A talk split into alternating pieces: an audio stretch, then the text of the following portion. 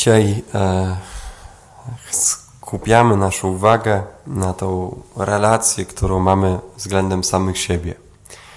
Więc e, tak jak wczoraj zwracałem uwagę na tych, którzy płynęli z Jonaszem, tych, którzy byli wokół niego, którzy płynęli w nim e, w tym statku, łodzi, w której on się ukrył, chciał uciekać od Boga. I słyszeliśmy Ewangelię o Samertaninie, który przychodzi do tego biednego człowieka, który jest w głębokim dole, pobity. Dzisiaj chcę zwrócić naszą uwagę na samego Jonasza, jako symbol tego, kim jest każdy z nas osobno. Jonasz, który e, cała księga jest jemu poświęcona. Ten, który wczoraj, kiedy słyszy, co Bóg od niego chce, ma pójść do e, Niniwy, aby tam e, nawrócić wszystkich. Potężny, przeciwny kraj Izraelowi, wielka stolica. Dzisiaj się dowiadujemy, tak duże miasto, że na trzy dni drogi by musiał całe przejść. Jonasz e, ucieka od głosu Pana Boga. Ale e, Pan Bóg ma na niego sposób. Przez tą jaką niezwykłą e, historię z rybą wyplu, wy, wy, wypluwa ta ryba go na brzeg. No i Jonasz no idzie do tej, do tej Niniwy. Jesteśmy już w trzecim rozdziale tej księgi. I mówi Bóg do niego, wstań, idź do wielkiego miasta, Niniwy i głosi upomnienie, które ja Ci zlecam. Jonasz idzie, wstał do Niniwy, jak Pan Bóg powiedział. I coś jest niezwykłego w tym jego wołaniu, ponieważ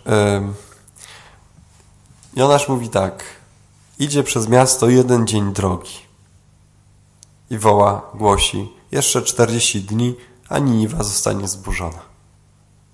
I cała Niniwa się nawraca. Miasto jest wielkie, na trzy dni drogi. On idzie jeden dzień. Nie wiadomo, co on tam mówi po drodze. W jaki sposób znalazł na to, żeby e, im to przekazać. Czy szedł taki, burkał sobie tylko pod nosem, czy krzyczał, czy z nimi rozmawiał, czy może miał jakiś transparent, czy sam się rozebrał e, e, w płaszcz, sypał popiołem po głowie i dawał im taki przykład. Tego nie wiemy. W jaki sposób on to zrobił? ale widzimy, cały czas nam podkreśla słowo, że jest e, postacią niezwykłą. Ma w sobie coś niezwykłego. Uwierzyli mieszkańcy Niniwy Bogu, ogłosili pos od największego do najmniejszego, oblekli się wory. Doszło do, do e, króla i król nic nie pyta o tego, kto to jest ten Jonasz. Nie ma, nie ma żadnej jakby wątpliwości. Wstaje z tronu, zdejmuje się płaszcz, Obróg się wór, siadł w popiele. Z rozkazu króla wszyscy mieli pościć na zwierzęta. Ciekawy ten Jonasz jest, jest jakąś postacią e, mającą wielki wpływ na tych, do których idzie. Kim jest ten Jonasz? Jutro jeszcze usłyszymy dalszy ciąg tej historii. Jak Jonasz jest e, no, taki, e, myślę, na pierwszy rzut oka leniwy dosyć. Robi wszystko na przekór, ale ma swój charakter. Jest jakąś wyraźną postacią. Bóg mówi idź, on idzie w drugą stronę. Wszyscy się trwożą, on śpi spokojnie. Dzisiaj ma zadanie na trzy dni, żeby samo przejście, żeby każdego przekonać jeszcze po drodze. Idzie jeden dzień, to wystarcza, wszyscy się nawracają. I ma jakąś swoją niezwykłość ten Jonasz. I w końcu Ewangelia, która mówi również o dwóch wyraźnych, różnych osobach, siostrach, które są bardzo różne. E, Łukasz pokazuje nam e, Jezusa takiego, który jest takim powsinogą, tak się mówi, taki powsinoga. Idzie od wsi do wsi. Od wsi, do jakiejś wsi wchodzi. Nie nazywa jej w żaden sposób ewangelista. Pewna niewiasta imieniem Marta no tak myślę sobie o tej Marcie. Musi być jakoś bardzo wyraźny charakter tej Marty. Marta przyjmuje go do swego domu. Jest ciekawe, że nie idzie do żadnego zarządcy, nie idzie do żadnego jakiegoś y, przewod, przewodniczącego synagogi, chciałem powiedzieć. Nie idzie do żadnej. Ona jest jakąś taką, tak sobie wyobrażam, to jest jakaś, musi być bardzo taka obrotna kobiecina. Jakaś, jakaś taka, taka pani sołtys chyba, która mówi: chodź do mnie, i on idzie do niej. Ona jest bardzo taka zaradna, widać, krząta się przy tym wszystkim. Gości ich. Tam nie był przecież tylko sam Jezus. Są też apostołowie, są ci wszyscy mężczyźni ze wsi się zeszli, żeby go posłuchać. Otworzyła swój dom tak jak taką świetlicę e, i, i tam wszyscy przychodzą. Nie wiemy, czy, czy czasem nie było tak, że ona mówi, że sama jest z tym, w tym posługiwaniu, czy, czy nie zawołała sąsiadek swoich, chodźcie mi, pomóżcie, e, przyjąć go. Jest tam gdzieś jeszcze e, pewnie Łazarz, ich brat Marty i Marii. Ta Ewangelia jeszcze później wróci w tym wydaniu, kiedy E, ten, ten fragment, kiedy Jezus ich znowu odwiedzi, kiedy ten łazarz umrze. Mar Marta jest e, niezwykle bardzo taka charakterystyczna w tej Ewangelii. Kilka zdań e, ewangelijnych, a bardzo wyraźnie można je zobaczyć. Jest tą właśnie, która jest taka upominająca się o swoje. Kiedy zobaczyła, że Maria nic nie robi, siedzi przy Jezusie i, i nie mówi nic do, do, do Marii. Mówi Marysia, pomóż mi. Nic takiego nie mówi w tej Ewangelii. Może kilka razy ją gdzieś tam trącała. Może jej tak kiwnęła palcem, choć coś tam przynieś ze szpiżarni, jakiegoś sera, albo idź y, po mleko, albo coś tam zawołaj, przynieś jakiś podpomyk, bo zabraknie nam, pójść po jakąś mąkę jeszcze do sąsiadów, po wodę przynieść żeby ich ugościć jak najlepiej.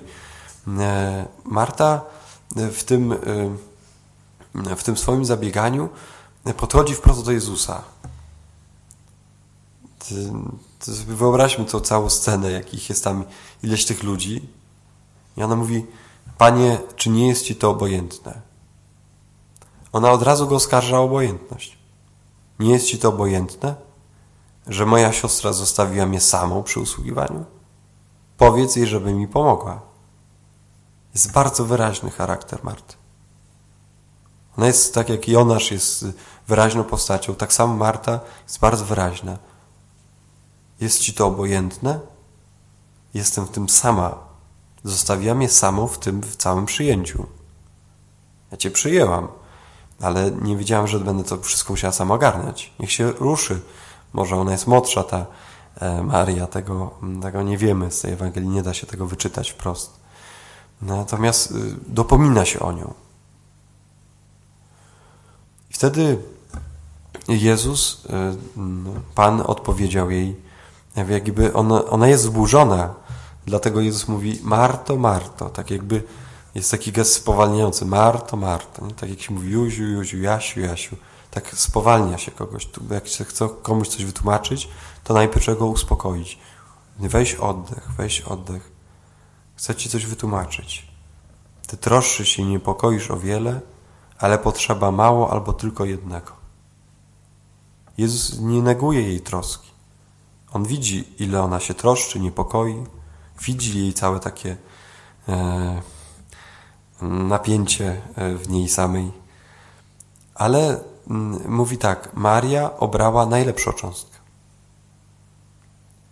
I ta Maria, która słyszymy, że tylko siedzi u stóp Pana i przysłuchuje się Jego mowie, a Jezus mówi, że ona wybrała najlepszą cząstkę.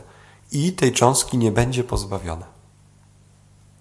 Tą cząstką yy, mówimy właśnie, że to jest ta cząstka, która jest duchowa w nas. Jezus mi mówi, to jest wielka część, wielka sprawa, co teraz ona robi. Buduje swoje życie duchowe. Nie mówi, że teraz ona tutaj zbawienie będzie miała i mówi cząstka, to jest jakaś cząstka. Ta, ta Maria nie jest taka, która nic nie robi, nie potrafi robić. Ale wybiera jakąś cząstkę w tym wszystkim. Duchowość jest jakąś cząstką w naszym życiu. Jezus to podkreśla bardzo wyraźnie Marcie. Ta cząstka, która określa duchowość Marii w, tym, w tej Ewangelii, e, w tym, że ona słucha Pana, traci dla Niego czas, która widzi całe może nawet zabieganie, a może nie widzi, może jest tak w niego wpatrzona, że nie jest w stanie nic innego. On, on przemawia, on, On jest przy niej i ona się nim tak bardzo karmi. To jest jakaś cząstka w jej życiu. Tak wielka, że Jezus mówi, nie będzie jej pozbawiona. Nikt jej nie zabierze tej części.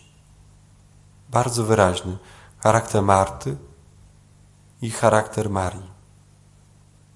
Nikt, Jezus też tego nie podważa, że jedna i druga jest ważna. To są siostry, którzy nawet mówią, że takie dwie siostry mieszkają w życiu każdego z nas. Jedna ta taka e, widoczna na zewnątrz, taka szybko ogarniająca, są takie osoby, które wiele rzeczy potrafią szybko zrobić. Takie, które bardzo dużo są takie rozbiegane, ale im grozi często samotność. Dużo rzeczy są w stanie zrobić. Ale są, mogą być tym bardzo samotne. I nawet y, mogą skarżyć się do Pana, mówić: Tyle robię, tyle zabiegam, tyle spraw. Jakby nic nie mam z tego. Nic z tego nie zostaje.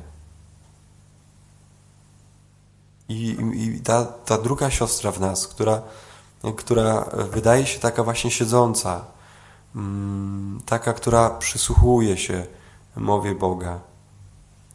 I, I to jest jakaś cząstka w nas, która, której nie będziemy pozbawieni.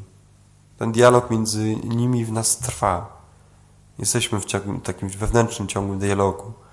Warto czasami wejść w taki wewnętrzny dialog. Później na konferencji będę o tym mówił E, w którym można to usłyszeć, to cząstkę. To nie jest duża część. Z tego nie da się wyżyć. Z tego nie ma, mm, e, nie ma z tego pieniędzy, nie ma z tego jedzenia. Nie ma z tego, to, nie, nie, to jest cząstka w nas. Jest jakaś cząstka.